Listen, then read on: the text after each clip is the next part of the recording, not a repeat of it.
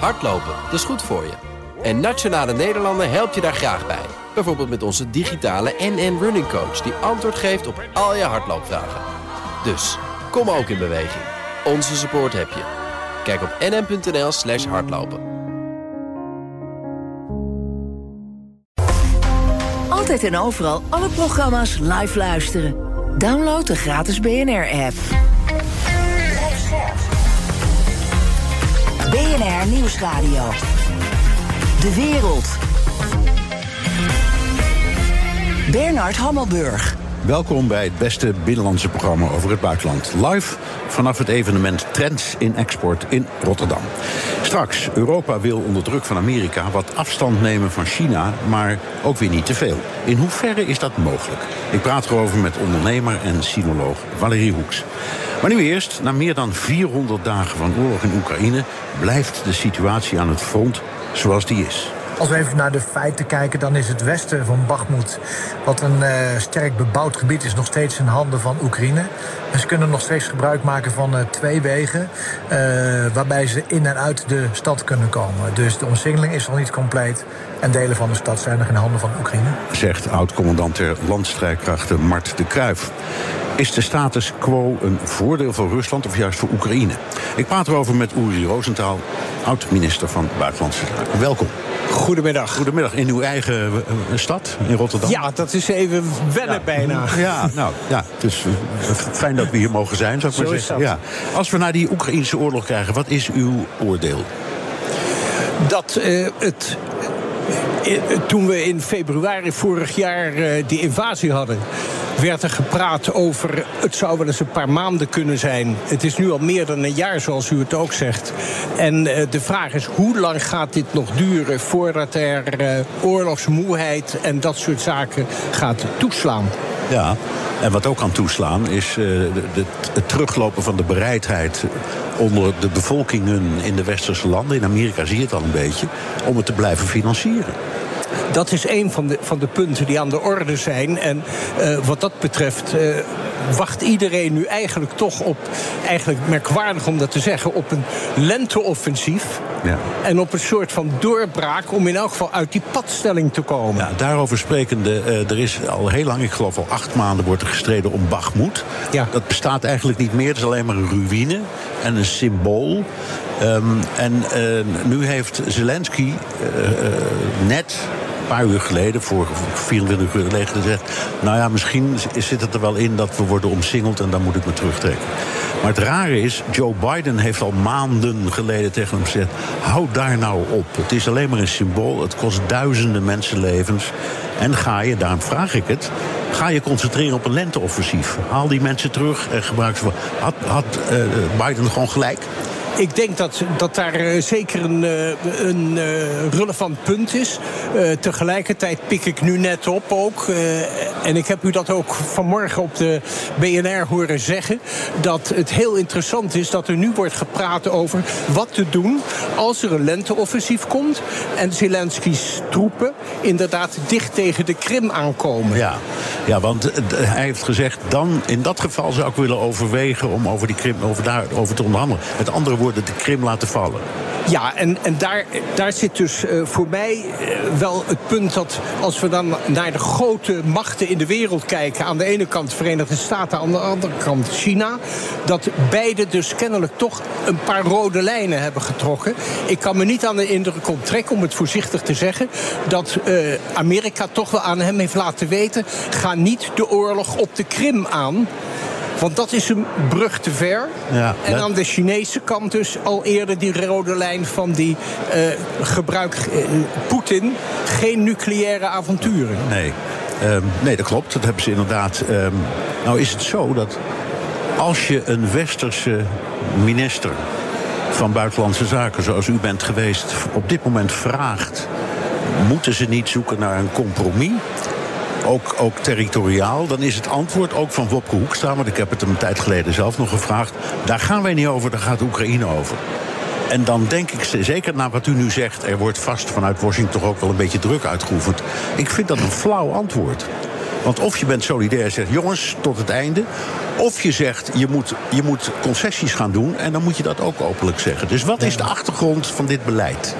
Ik denk dat het uh, ermee te maken heeft dat uh, in de diplomatie wordt natuurlijk altijd uh, diplomatieke taal gesproken. En wat er in de backchannels gebeurt, in de, zeg maar in de stille diplomatie, dat wordt meestal niet, ja, dat blijft stil. En ik ga ervan uit dat er in die stille diplomatie veel gebeurt. Zowel aan Amerikaanse als ook aan Chinese kant. En ja, ik hoorde niet zo lang geleden ook weer iemand zeggen, een uh, voormalige stafchef van Duitse Bundesweer, die zei tegen mij: Het gaat er uiteindelijk zo uitzien. Uh, Amerika en Rusland zitten tegenover elkaar. Oekraïne zit erbij, mag meepraten. En Europa betaalt. Nou ja. En wat betalen wij dan? Ik moet letterlijk. Op zijn minst voor de wederopbouw. Ja. En waarschijnlijk is het ook zo dat naarmate die oorlog langer gaat duren, de druk vanuit Amerika op Europa om toch weer nog meer te doen aan militaire uitgaven en militaire steun aan Oekraïne dan nu al het geval is, dat die druk alleen maar zal gaan toenemen. Ja. En op dat punt kijken we natuurlijk ook vooruit naar lange oorlog, nu al ruim een jaar. Stel je voor dat het zo lang duurt dat werkelijk de hitte van de Amerikaanse presidentsverkiezingen ook aan de orde gaat komen, dan wordt dat ook een factor. Ja. En dan gaan we dus praten over weer het bekende thema van bijvoorbeeld Amerika, dat zegt Amerika first. En in het internationale domein betekent dat dan voor je het weet ook een zekere isolationistische trend. Ja, ja. komen we straks nog even op terug. Ja. Eerst even de inspanning zoals wij die nu doen. Er wordt nu inderdaad gekeken naar uh, wederopbouw. Hè. Nederland ja. heeft nu ook een, een speciale, uh, ik zal maar zeggen, commissaris die zich daarin gaat verdiepen.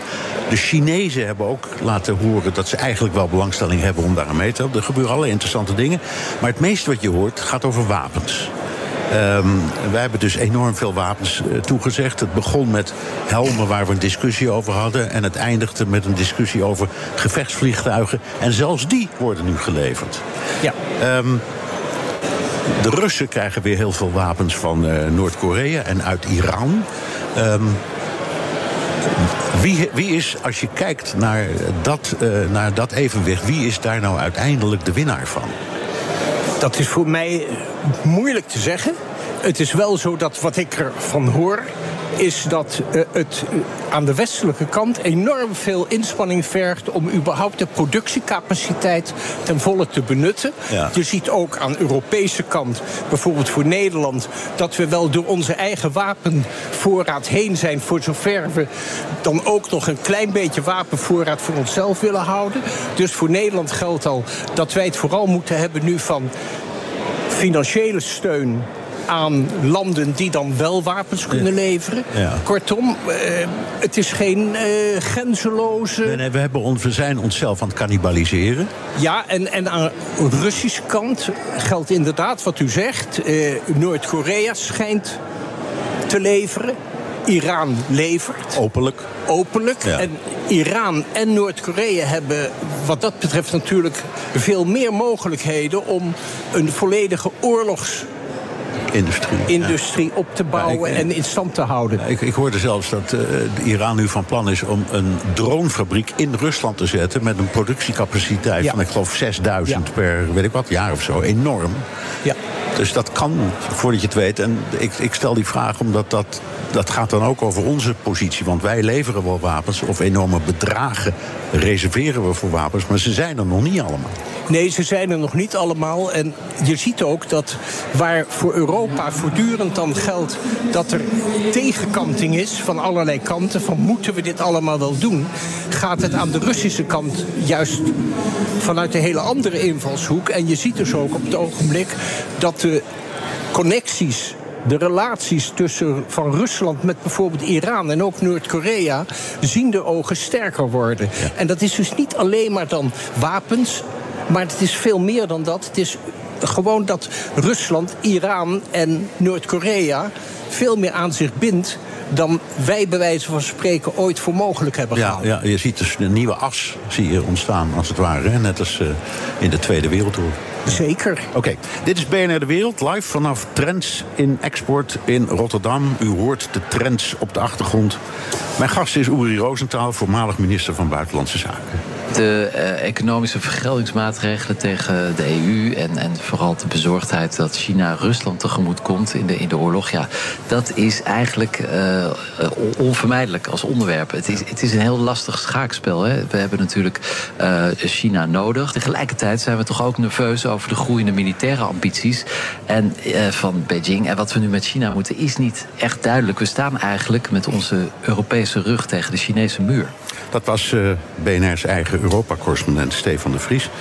Ehm, meneer Rosenthal, eh, de rol van Europa in dit conflict is fascinerend. Eh, Europa wil minder afhankelijk worden van China.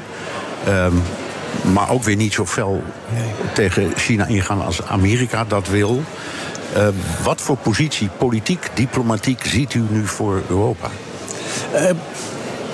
Interessant vond ik eh, de mededeling van Ursula von der Leyen van de Europese Unie, die dus naar eh, Beijing is. Ja. Samen met Macron. Met, met Macron, ja. En zij heeft gezegd: wij praten niet over het ontkoppelen, maar we praten over het verlagen van de risico's. Dus de-risking schijnt nu de, het buzzword te zijn. Ja. En eh, dat geeft wel aan hoe eh, Europa toch in een wat andere positie verkeert dan Amerika. Dat de confrontatie met China zonder meer nu niet zoekt, maar gewoon heeft. Ja. Ja, omdat de- Amerikanen al een tijd geleden tot de conclusie, hun conclusie zijn gekomen dat dat de belangrijkste tegenstander is in de wereld. En Rusland is voor ons bedreigender omdat we om de hoek wonen. Maar dat hebben die, hebben die Amerikanen geen last van. Hè? De Amerikanen hebben geen last daarvan. En voor de Amerikanen geldt dus, als je het wereldtoneel nu beschouwt, dat eh, er veel discussie ook is in Amerika over de vraag of men het zich kan veroorloven om en Oekraïne te hebben. En tegelijkertijd die volgens vele Amerikanen veel bedreigende situatie, China, Taiwan en wat iets meer zijn. Ja, nou is hun, eh, hun wij hebben artikel 97, hè, dat beschrijft waarom we de krijgsmacht hebben. Bij de Amerikanen zit het net wat anders. Die hebben het als uitgangspunt dat je altijd twee conflicten op hetzelfde moment zou moeten kunnen strijden. Ja, en daar is dus veel discussie over in Amerika of dat überhaupt wel kan. Ja. En eh, onderwijl is het ook zo dat eh, wanneer we kijken naar de situatie van Amerika en aan de ene kant met Europa en aan de andere kant Amerika-China, dan zie je dus dat eh, het op het ogenblik echt een kwestie is dat aan de Chinese kant oprecht wordt gemeend dat men daar de zaken voor de komende 10, 20, 50, 100 jaar wel eens in handen zou kunnen hebben. En eh, dat brengt dus ook met zich mee dat wanneer je kijkt naar het conglomeraat van landen, eh, Amerika en eh, Europa, plus misschien Japan, dat is dan het Westen. Aan de andere kant is er die enorme, die enorme alliantie in feite toch van China, Rusland, een aantal andere autocratische landen. Ja. En daar, eh, als ik dat eraan mag toevoegen, daar hebben wij altijd vanuit onze hoek het misverstand dat ze aan de andere kant opkijken tegen ons. Dat ze, dat ze als het ware meenemen de morele superioriteit die wij zouden hebben ten opzichte van hen. Maar zij beschouwen zichzelf langzamerhand moreel superieur. Ja, de- zowel autocraten als dict- dictators. Zo is dat. Ja, en, die, en die kijken dus op ons neer. Terwijl we denken dat ze naar ons opkijken. Ja, en ze kijken naar ons, op ons neer omdat ze de mening zijn toegedaan dat zij uiteindelijk toch veel meer stabiliteit zullen hebben. Op een hele andere manier verzekerd dan bij ons de stabiliteit zou worden verzekerd. Want wij moeten dat doen via democratische verkiezingen en dergelijke. Maar daar hebben zij geen boodschap aan. Nee. Dus de, de, de- je ziet een opmars van autocratieën en we hebben eigenlijk geen antwoord. Kun je dat ook zeggen? We hebben wel een antwoord, Ja, maar, maar dat, dat- zit hem, dat zit hem dan in de veerkracht die een democratie uiteindelijk heeft. En sancties? En sancties, maar sancties is dus ook een kwestie van of je economisch zoveel sterker bent dan de ander, dat die sancties inderdaad wat vermogen te doen. En als het om Oekraïne gaat en Rus, de sancties tegen Rusland, Rusland verkoopt zijn olie gretig aan vele andere landen in de wereld. Zeker. En, ze, hebben, ze hebben gisteren een staatsleding aangekondigd. In de hoop dat die helemaal wordt verkocht aan China en India. Dus je ziet dat ze zich naar het oosten wenden. Ja. ja. En dat, dat is echt een teken, hè? Dat is zeker maar een teken. betekent ook dat je, dat je ze niet kunt grijpen. Ja, kijk, eh, interessant vind ik vooral ook wat er gebeurt, gebeurt bijvoorbeeld in de allianties die er aan die kant zijn, waar wij veel te weinig aandacht aan besteden. We hebben al heel lang de zogeheten Shanghai Cooperation Organisatie. En daar zitten in dus samen China, Rusland, India en Pakistan. Beide aardvijanden van elkaar. Zeker. Ja. En dan vervolgens blijkt nu dat ook Iran aanschuift, Saoedi-Arabië aanschuift. Kortom, ja, die het is een machtsblok van je welst. Die hebben na uh, uh, opmerkelijke bemiddeling van Xi Jinping, notabene... Weer, uh, die praten weer met elkaar, Saudi-Arabië en Iran. Even over Iran, tenslotte. Want ja. um, u, u, bracht een pamflet mee, zal ik maar zeggen. Manifestvrij Iran. Het is een onderwerp dat, waar wij ons ook heel veel mee bezighouden. Wat is hier de achtergrond van en wat denkt u en wilt u ermee bereiken? De achtergrond hiervan is uh, dat wij hebben waargenomen met elkaar de enorme repressie die er in Iran is, eh, nog meer dan er al was. Sinds uh, de dood van uh, een meisje dat een hijab had afgenomen, had afgedaan september vorig jaar. Dat heeft geleid tot enorm veel demonstraties en wat is meer zei, en navenante repressie aan de kant van, de, van het regime. Ongekend. vrouwen die worden beschoten met pletkogels op de ogen, martelingen van kinderen en wat is meer zij. Die uh, demonstraties en wat is meer zij, hebben een vorm aangenomen die groter is en intenser is dan er ooit eerder in Iran zich heeft voorgedaan in de 44 jaar Ayatollah-regime. Nou, tegen, tegen de Shah wel hoor. Toen was het ook tegen de Shah. Eh, ja. Zeker, maar waar het de Ayatollahs betreft, om de tien jaar van die erupties, maar nu veel sterker en steviger. En volgens velen is het zo dat dat regime nu echt aan fundamenteel legitimiteitsverlies leidt. Nou, wij zeggen dan, wij moeten een steuntje in de rug geven aan al die dissidenten, ook in de diaspora en in Iran zelf. En dat doen we op instigatie van de Iraanse dissidenten zelf, die, dat, die daarom vragen. En om die reden hebben we dus een comité opgericht, Comité Vrij Iran, met een, aan, eh, met een aantal oud-politici en anderen, Maxime Verhagen, Barbara Visser, ook anderen. En buitenland? En ja, en uh, wij uh, proberen vooral ook uh, met andere, op, in andere landen tot uh, verdere stappen te komen. En heel concreet op dit ogenblik speelt natuurlijk de vraag of de uh, revolutionaire garde op de terroristenlijst moet worden geplaatst. En in dat verband is het zo dat de vertegenwoordiger, hoge vertegenwoordiger van Europa, uh, Borrell, heeft gezegd: we kunnen dat niet doen, want er zijn juridische uh, redenen om dat nee, niet dat aan is, te kunnen. Dat is waar. En landen als Italië bijvoorbeeld, die willen dat ook niet. Nee, maar wij, wij zeggen dus nu... Uh, ga dan maar niet Europa breed het aanpakken, maar doe het met een, zoals dat met heet, coalition, of, the willing. willing. Daar komt hij weer. En ja. daar gaan we. Ja, oké. Okay. En uh, hoe ver bent u er nou? Laat ik het anders zeggen. Dat comité, dat, dat is er. Um, wat denkt u te kunnen bereiken? Als, als, als oud-minister van Buitenlandse Zaken ken je je beperkingen in dit soort dingen. Zeker, zeker. Maar wat we proberen te bereiken zijn stapsgewijs een aantal zaken die inderdaad nu in de lucht hangen. Wij willen dus extra druk uitoefenen vanuit Nederland, maar ook in samenwerking met soortgelijke clubs in andere landen. België, Frankrijk zijn we al over bezig. Uh, Noord-Europa ook een paar mogelijkheden. En dan proberen om met zo'n coalition of the willing inderdaad zover te komen. Ook vanuit de comité's uh, gezegd.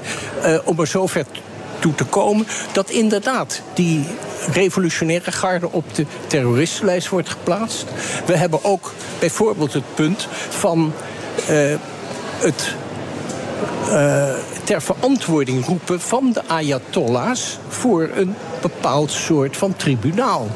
He? Dus uh, het zijn een paar concrete stappen waarmee we in wat de pressie uh, ste verstevigen. Dus en, simpel, ja, simpel gezegd. Dus nou, eerst Poetin voor een gerecht en daarna Gamnij. Vooruit maar. Of andersom. Vooruit maar. Maar uh, wat dat betreft ook, dit soort comité... en dat merken we ook vanuit Iran zelf... en ook vanuit de dissidenten in de diaspora, in Amerika, in Europa. We merken dat zij het enorm op prijs stellen dat er dan toch maar solidariteit wordt betuigd met hun nobele en goede zaak. Dank, Uri Rosenthal, voormalig minister van Buitenlandse Zaken. Hardlopen, dat is goed voor je.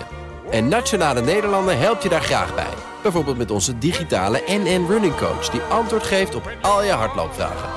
Dus, kom ook in beweging. Onze support heb je. Kijk op nn.nl slash hardlopen. Nieuw 10 is ook duidelijk voor pizzabakkers. Je vraagt lekker snel een zakelijke lening aan.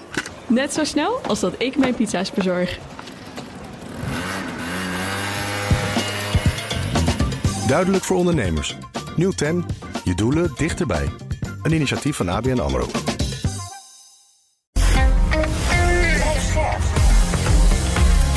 BNR Nieuwsradio. De wereld. Bernard Hammelburg. En we komen vandaag vanaf Trends in Export in Rotterdam. Europa wil minder afhankelijk worden van China, mede onder druk van Amerika, zegt voorzitter van de Europese Commissie Ursula von der Leyen in een speech over China vorige week.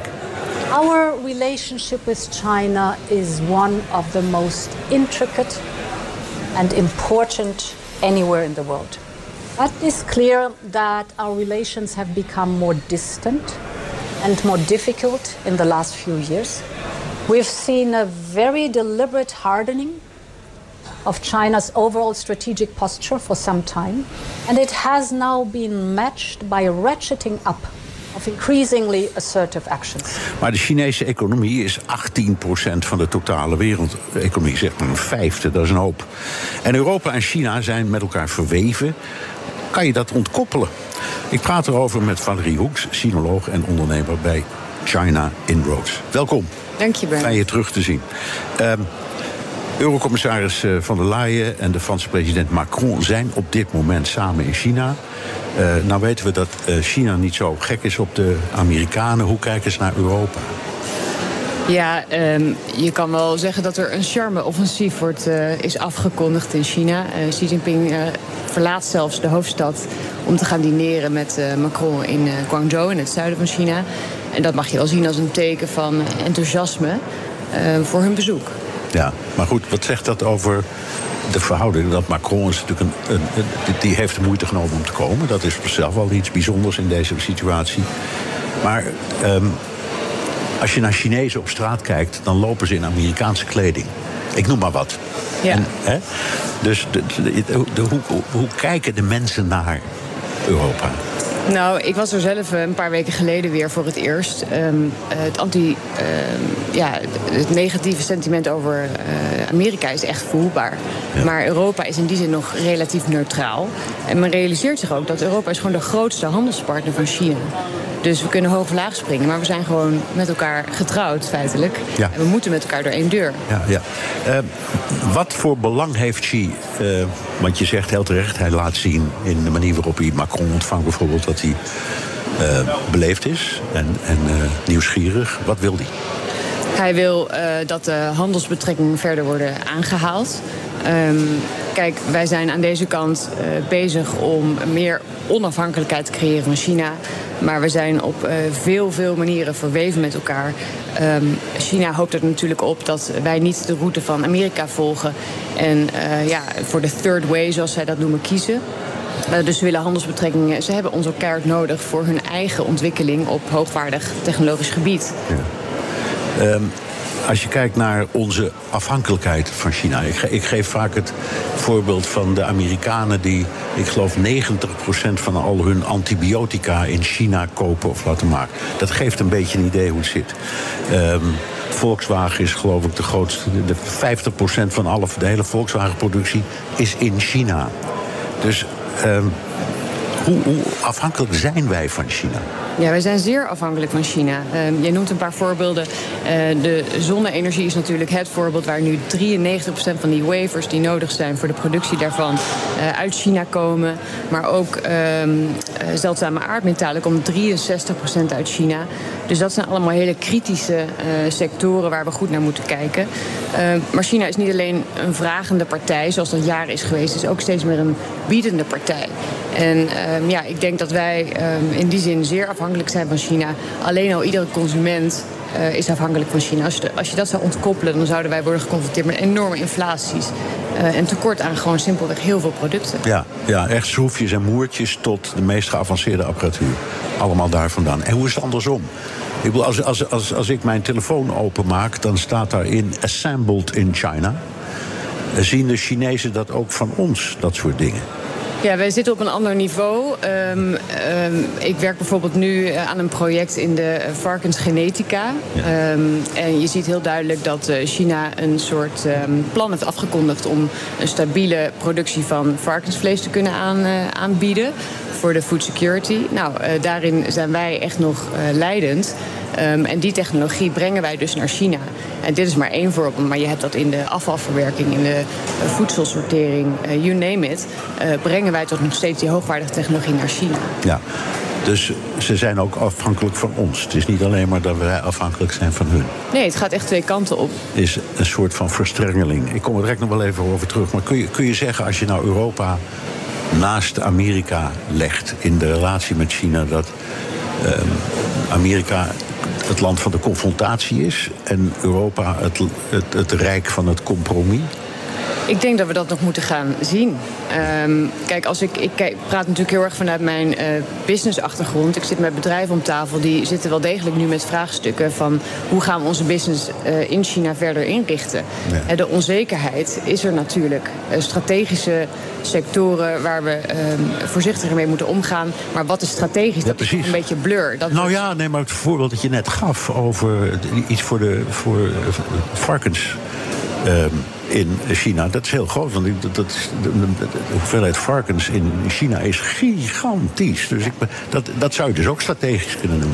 Dat zou strategisch kunnen zijn. En dat kan ook tot gevolg hebben handelsbarrières om ook die technologie te beschermen. Uh, maar het gaat ook over data die over de grenzen heen gaan. Is dat nog mogelijk straks? Ja. Um, geld terughalen uit China. Want vergeet niet, dat is misschien wel een van de belangrijkste redenen voor bedrijven om in China actief te zijn. Zij willen uh, in China om te draaien om dat geld weer te kunnen herinvesteren in hun eigen R&D. Ja. En dat is hard nodig om zelf weer hier door te kunnen groeien. Maar dan moet je, moet het, wel, moet je het wel terug kunnen halen. Precies, ja. Dit is BNR De Wereld. Mijn gast is Valerie Hoeks, sinoloog en ondernemer bij China in Roads. Um, je helpt dus uh, bedrijven in China. Um, wat merken ze in China over de onrust aan onze kant? Um, nou, je merkt dat COVID uh, gewoon een enorme impact heeft gehad. Hè. Er is zeer beperkt contact geweest. Um, wij hadden het drukker dan ooit, omdat je dus continu bezig bent om uh, miscommunicatie, uh, die gaten te dichten. Nu merk je een enorme. Ja, opleving. Iedereen stapt in het vliegtuig. Al mijn klanten zijn bijna geweest naar China inmiddels. Want het is heel hard nodig. En um, in die end gaat het toch om uh, ja, die dialoog gaande houden. Ook al kijk je op een heel andere manier naar de dingen. Ja. En het, uh, het verhaal van het kan net zo goed uh, via een videoverbinding... dat blijkt ook hier weer onzin te zijn. Je moet er echt heen. Ja, en natuurlijk hebben we dat op die manier moeten doen... maar dat kon niet anders. Maar je ziet uh, hoe blij mensen zijn dat je weer komt. Ja, nou, het is een beetje mijn privé-hobby. Maar toen het allemaal begon, hadden we het over het nieuwe normaal. En ik riep steeds, het oude normaal komt terug zodra we kunnen. En Zeker. dit is een voorbeeld, toch? Zeker, ja. ja. Um, als uh, zaken doen met China riskanter wordt, uh, dan kun je ook kijken naar India. Dat doen ook heel uh, veel bedrijven. Dat heeft net zo'n grote afzetmarkt. Het heeft tegenwoordig evenveel inwoners. Dus wa waarom, waarom hechten bedrijven zo aan China? Ik denk dat we niet moeten onderschatten hoe uh, ecosystemen binnen bepaalde sectoren zich hebben ontwikkeld. Dus um, uh, als je in de electronics zit, dan kan je misschien nog relatief eenvoudig zeggen: Goh, ik vind inderdaad een bedrijf in China dat dat doet. Maar als het al iets complexer wordt, dan is het heel lastig om je hele operatie te verplaatsen. Dat gebeurt dus ook nauwelijks. Wat ik wel zie is dat klanten in de gevoelige sectoren eh, de klanten daarvan, die gaan diversificeren. En die gaan nu ook voor veel meer geld elders hun producten vandaan halen. Ja. En dat heeft natuurlijk wel impact op die partijen die lokaal Maar wat, hebben- en wat, wat zijn dat dan voor geheimzinnige partijen? Laten we zeggen in de, in de sfeer van Huawei en dat soort dingen? Ja, in de, in de die, worden, die worden verdacht van van alles en nog wat. Nou, eh, de semiconductor is natuurlijk eh, heel duidelijk nu aangetekend als een hele gevoelige eh, hoek. Ja. Dus je merkt dat klanten die eh, alles sourcen binnen China gaan ook nu achter hun oren krabben van goh, waar moeten wij heen? Ehm, ik denk wel dat we eh, ook heel goed moeten kijken van oké, als je dan diversificeert, ehm, wat betekent dat dan feitelijk? Want in praktijk komen wij ook gek genoeg tegen dat je dan in Vietnam belandt alsnog bij een Chinese eigenaar van een fabriek. Ja. Zij kennen het trucje al. Ja, ja dat begrijp ik. Ehm, je hoort ook vaak dat het niet zo, dat als er iets is waar jij van weet, dat het heel lastig is om daar tussen te komen in China als je zaken wil doen. Ehm, je hebt dat, heel veel bedrijven, daar zit staatskapitaal of staatstoezicht op. Dus je hebt voortdurend het idee dat, je, dat er wordt meegekeken vanuit eh, eh, Beijing. Kun je, op, kun je in, in een concurrentiepositie daarvan winnen? Ja, het is grappig hoe je dat zegt. Hè? Dat, er, dat eh, je het gevoel hebt dat, je wordt, dat er wordt meegekeken. Dat wordt in China zelf ook als, ook als iets positiefs gezien. Want eh, het hele politieke systeem is erop ingericht om een sturende rol te hebben eh, in de markt. En dus ook een ondersteunende rol. Ehm, dus al die pa- partijsecretarissen die tegenwoordig aanschuiven, eh, eh, kunnen ook een hele goede tool zijn voor bedrijven om beter te navigeren. Want als er iets moeilijk is in China, is het om te monitoren wat er aan legislation, nieuwe wetgeving eh, gebeurt. Kijk maar naar bijvoorbeeld ook China het beleid met decarbonisation. Die willen ook. ehm, dan, dan sluiten er gewoon plotseling fabrieken. Ja, als daar al jouw producten vandaan komen, ben je daaraan overgeleverd. Ja, maar dit klinkt toch alsof je zegt het is een dictatuur... dan kan de dictator maar beter bij je aan tafel zitten. Ja, Ja. ja. zo kan je het toch deels uitleggen. Kijk, het heeft altijd twee kanten. En ehm, eh, wij zien in praktijk inderdaad, en dat is denk ik de grote vraag waar wij met klanten naar kijken: van waar zit nou jouw toegevoegde waarde? Dus eh, inderdaad, als je een lokale speler bent en je krijgt eh, steun van de lokale overheden. ehm, en je, bent, hey, je legt het af ehm, als buitenlandse partij tegen die lokale clubs, dan heb je niet gegarandeerd winst. Waar misschien 15 jaar geleden jij als buitenlandse partij een bepaalde status had. Die tijd is echt voorbij. Dus je moet concurreren, je moet innoveren. Maar ik geloof ook dat die lokale concurrentie je juist uitdaagt om die innovatie op te zoeken. Dat zien we echt gebeuren bij onze klanten. Ehm, als je dat niet doet en als je daar niet aan meedoet en de deuren sluit naar China, dan kom je diezelfde concurrenten straks misschien hier in Europa. Oké, en dan ook even een open deur, die moeten we dan toch vragen. Is dat niet gewoon ook het stelen van intellectueel eigendom? Die, die mega nieuwsgierigheid naar technologie en ga zo maar door. Ja, nou dat is natuurlijk een heel groot onderwerp. Ehm, ik blijf erbij, en als ik kijk naar hoe wij werken met onze klanten, eh, je, kan, je hebt heel veel zelf in de hand. Dus de vraag is hoe bescherm je je know-how? Tot welke informatie hebben mensen ehm, eh, bereik en toegang? Ehm, eh, en als je dat goed in de smiezen houdt en je zorgt dat je engineering en je key technology hier in eh, Europa zit, dan kan je een heleboel doen. Maar je moet lokaliseren in China, anders red je het gewoon niet meer. Nee. Blijft het de moeite waard om te investeren in dat land? Want, want alles neemt ertoe, de levensstandaard neemt ertoe, de lonen gaan omhoog. Er is voor het eerst in 4000 jaar een middenklasse die kan kopen. Dus is het nog wel de moeite waard? Ja, nou ja, China is, eh, is ongeveer de helft van onze eh, wereldmarkt mo- momenteel als afzetmarkt. Ik denk dat we case by case moeten blijven kijken eh, of, hè, hoe je die vraag beantwoordt. Wij stellen met klanten ook de vraag van wat zou het nou betekenen als je de deuren sluit naar China. En we zien in praktijk voorbeelden als, goh, je zit dan dus niet aan tafel. Je weet dus niet van die laatste ontwikkelingen. Ehm, eh, dat is absoluut een nadeel. Maar ook wat gewoon heel belangrijke driver blijft, is de omzet die je binnenhaalt in China. Dat is soms al 20% van de groepsomzet. Die kan je herinvesteren. Ehm, Als, je je geld eruit kunt halen. ja, zeker. Maar goed, daar, daar, dat monitoren wij dus. Hè. En vooralsnog kan dat. Het is een zeer bureaucratisch proces, maar het kan. Eh, maar je moet wel de kennis en expertise in huis halen... om te weten hoe je dat moet doen. Ja. Nog iets wat eh, ik altijd fascinerend vind. Eh, heel lang was China, in elk geval zakelijk, maar ook wel in andere opzichten, een soort belovend, beloofd land. Daar gebeurde van alles, was in ontwikkeling, had vreselijke tijden meegemaakt. De culturele revolutie was allemaal achter de rug. Het ging open, je had wel perestroika, maar nog geen glasnost. Maar toch interessant. Ehm, En dat is omgeslagen in een duidelijk anti-Chinees sentiment. Hoe komt dat? Nou ja, ik denk dat wij uh, wakker geschud zijn. Um, en we hebben in de tijd van Deng Xiaoping nog gehoopt dat het een soort van enorme democratie zou worden. Uh, we zijn wakker geschud door het, uh, ja, ook het hele assertieve beleid van Xi. met alles wat erbij komt kijken. En wij streven absoluut een andere ideologie na. We kijken anders naar de wereld. We kijken anders naar onszelf. En wij kunnen ons dus vaak niet herkennen in ja, waar de Chinees voor staat. En ik chargeer nu, want uh, er zijn een heleboel, 1,4 miljard Chinezen die allemaal een andere kijk op de situatie hebben. Dus niet iedereen um, representeert Xi Jinping himself.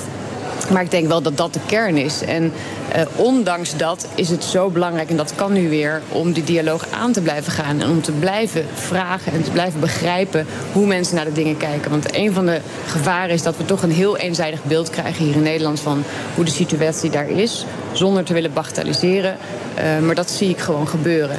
En de discussies zijn door, daardoor veel te emotioneel beladen en, en niet fact-based. Oké, hebben wij ons laten framen wat China betreft? Um, ik denk dat het aan beide kanten gebeurt. Ook in China over Europa, over de VS. Uh, daarom is dus die uitwisseling zo belangrijk. En dat gaat op alle niveaus. Hè. Nu gaan de staatshoofden uh, zijn in China, maar ook studenten, uh, jonge ondernemers. je moet een open vizier blijven houden. Um, ja, anders gaan wij gewoon op basis van aannames met elkaar om. En dan gaat het echt mis. Ja, nou ja, goed. Heel veel mensen zeggen de tijd van globalisering is voorbij. Dus dit zijn allemaal anti-globaliserende ontwikkelingen. Klopt. En ik denk ook en, dat we een en, curve... En als ik jou begrijp, zeg je, die moet ik, dat moet ik ontraden. Je moet globaliserend blijven denken. Ik denk dat we... Uh, ik, ik volg wel de lijn van waar, waar Macron nu mee... het verhaal ja. wat Macron nu brengt. Hè. We moeten heel kritisch kijken naar waar zit onze toegevoegde waarde. Maar ironisch genoeg hebben we daar China voor nodig... om onze eigen concurrentiepositie sterker te maken. Uh, vanwege de mogelijkheden in die markt. En als we dat weer terughalen, die kennis, de informatie, het geld... en dat kunnen we weer herinvesteren in onszelf... Ja, dan zijn we goed bezig. Dank. Valerie Hoeks, psycholoog en ondernemer van China Inroads. Graag gedaan. Postma in Amerika. Tijd voor het Amerikaanse nieuws door de ogen van onze correspondent in Washington, Jan Postma. Jan, de rook is weer een beetje neergedaald naar de voorgeleiding van Trump. En er is steeds meer kritiek te horen op de zaak die Bragg, die, die, uh, die openbaar aanklager in New York, probeert op te zetten tegen Trump.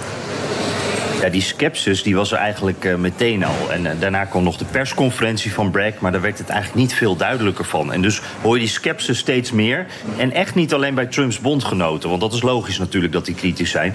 Uh, dit is bijvoorbeeld op CNN. Hier wordt een van de zwaktes uitgelegd. Bragg die wil dat Trump ja, op 34 punten veroordeeld wordt. Hè. En hij vindt dat dat allemaal zwaardere vergrijpen zijn, felonies. Maar om dat te doen moet hij ook bewijzen dat die foute administratie van Trump over dat aan Stormy Daniels en die anderen, dat dat gedaan is om tot een ander misdrijf te komen. Stapelen als het ware. Maar hoe, dat legt hij niet uit. Now the indictment does not specify what that second crime is. You heard the defense lawyers, I think rightly, complaining about that. The whole purpose of an indictment is to serve notice on the defendant of what exactly you're charged with and what exactly you're going to be defending yourself against. En dan is er nog het uh, simpele feit dat dit niet de grootste vergrijpen zijn. Helemaal niet voor een historische zaak, want dat is het natuurlijk. Wordt hier heel vaak uh, herhaald in Amerika tegen een voormalig president. In terms of a case that's being brought against a former president, it's a little underwhelming. Um, there's there's not more to it. Uh, there's not more violations tax violations. Um, there's not an incredible new set of facts that we didn't know about publicly. Ja, dit is eigenlijk allemaal ook een beetje peanuts vergeleken met Trumps rol op 6 januari of in Georgia, waar natuurlijk ook onderzoeken naar lopen. En dit is denk ik ook de prijs die de Amerikaanse media betalen. Voor heel veel speculatie, voor heel hype, dan bouwt het op tot iets wat het dus uiteindelijk niet is. Want er zat niet echt iets nieuws in. Het was een beetje de bekende zaak eigenlijk. En dat doen die Amerikaanse media helemaal zelf. Ja, Fox News is natuurlijk ook kritisch, want het gaat over Trump. Hoor je daar dezelfde kritiekpunten als op CNN? Ja, daar hoor je precies wat CNN ook uh, net vertelt. En, ook wat in de grote kranten staat trouwens. Het maakt eigenlijk op dit moment niet zoveel uit wat uh, het kleurtje van het medium is. Uh, ze zeggen allemaal hetzelfde. Alleen wordt er bij Fox dan natuurlijk wel een extra laagje aan toegevoegd. Een soort Trump deep state complotlaagje.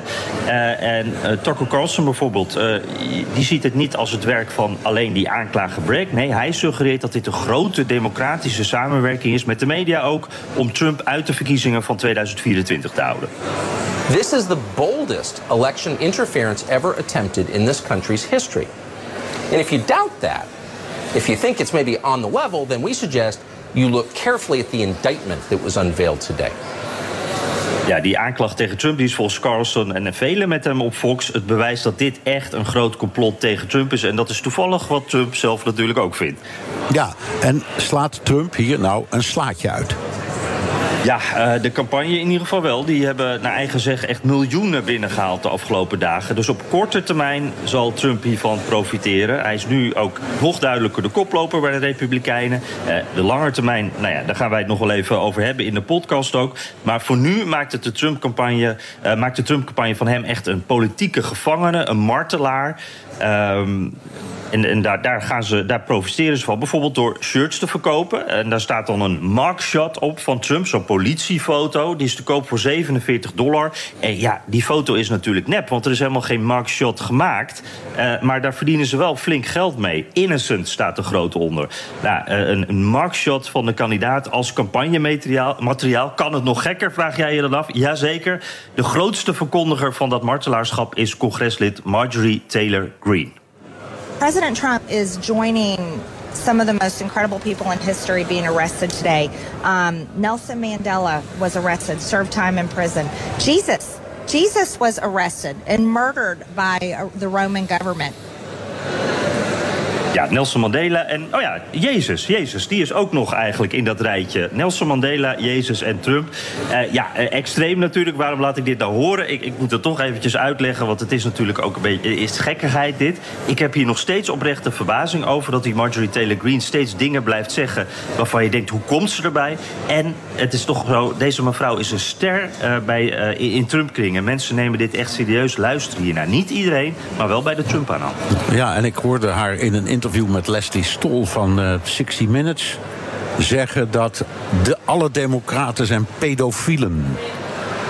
Ja, uh, daar was veel kritiek op. Want dat was natuurlijk een heel uh, serieus uh, journalistiek programma. En zij kreeg daar dus een platform. En, en kon daar eigenlijk haar hele verhaal zo doen. Zonder heel veel weerwoord. En, en de presentator, de, de interviewer, die, die, reageerde een beetje van. Oh ja, dat je dit nou zo zegt. Hoe kan, kan je dit nou menen? maar dat wordt nu door Marjorie Taylor Greene gebruikt als campagnevideo. in advertenties. Je ziet het overal terugkomen. De Democraten zijn de partij van de pedofielen. En zij zegt dat met grote overtuiging. En ja, er zijn dus mensen die dat ook echt geloven. Dank. Jan Postma, ons correspondent in Washington. Wilt u meer horen over dit fascinerende land? Luister dan naar de Amerika-podcast van Jan en mij. En tot zover BNR De Wereld. Terugluisteren kan via de site, de app, Spotify of Apple Podcast. Reageren kan via een mailtje naar dewereld.bnr.nl. Tot volgende week. Hardlopen, dat is goed voor je. En Nationale Nederlanden helpt je daar graag bij. Bijvoorbeeld met onze digitale NN Running Coach... die antwoord geeft op al je hardloopvragen. Dus, kom ook in beweging. Onze support heb je. Kijk op nn.nl slash hardlopen.